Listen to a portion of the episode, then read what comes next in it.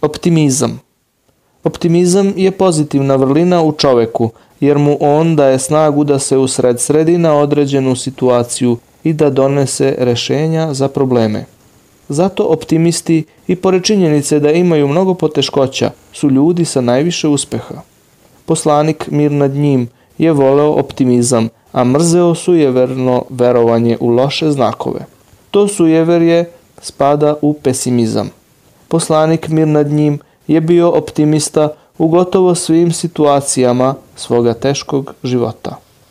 On je krenuo sa svojim ashabom Ebu Bekrom da se iseli iz Meke u Medinu, nakon što su se povećala uznemiravanja od strane mnogobožaca. Kada su nevernici saznali da je poslanik krenuo za Medinu, poslali su potragu za njima i kao nagradu onome kojih uhvati ponudili stotinu kamila, što je bila velika nagrada u to vreme.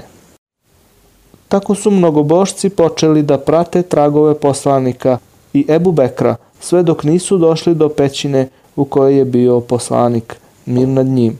Kada su došli do nje, Ebu Bekr je video njihove noge, pa je zaplakao od straha za poslanika i rekao O poslaniče, kada bi neko od njih pogledao u svoja stopala, video bi nas. Pa mu je poslanik mir nad njim rekao jezikom čoveka koji je imao pouzdanje u gospodara i koji je optimističan.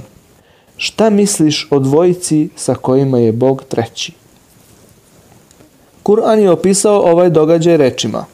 Ako ga vi ne pomognete, pa pomogao ga je Allah, onda kada su ga oni koji ne veruju prisilili da ode, kada je s njim bio samo drug njegov, kada su njih dvojica bili u pećini i kada je on rekao drugu svome, ne brini se, Allah je s nama.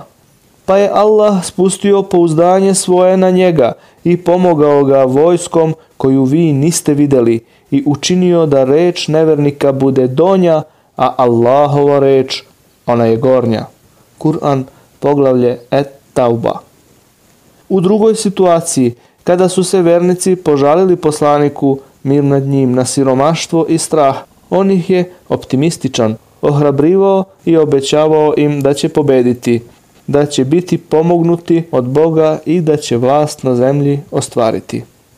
Od Adija ibn Hatima se prenosi da je kazao Bio sam kod poslanika mir nad njim kada mu je došao neki čovek pa se požalio na siromaštvo, a zatim mu je došao drugi pa se požalio da nema sredstava da nastavi putovanje. Poslanik je tada kazao O Adi, da li si video Hiru? Odgovorio sam ne.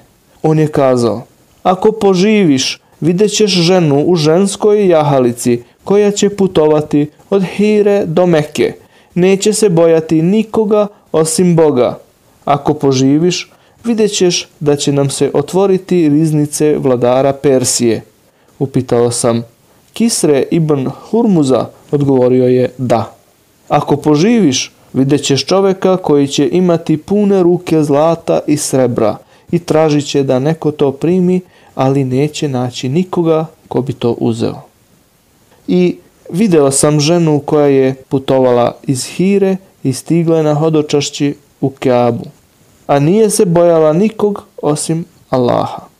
Bio sam od onih kojima su se otvorile riznice Kisre, a ako poživiš vidjet ćeš ono što je najavio poslanik Muhammed mir nad njim, a to je čovek koji će imati pune ruke zlata i srebra i tražit će da to neko primi, ali neće naći nikoga ko bi to uzeo.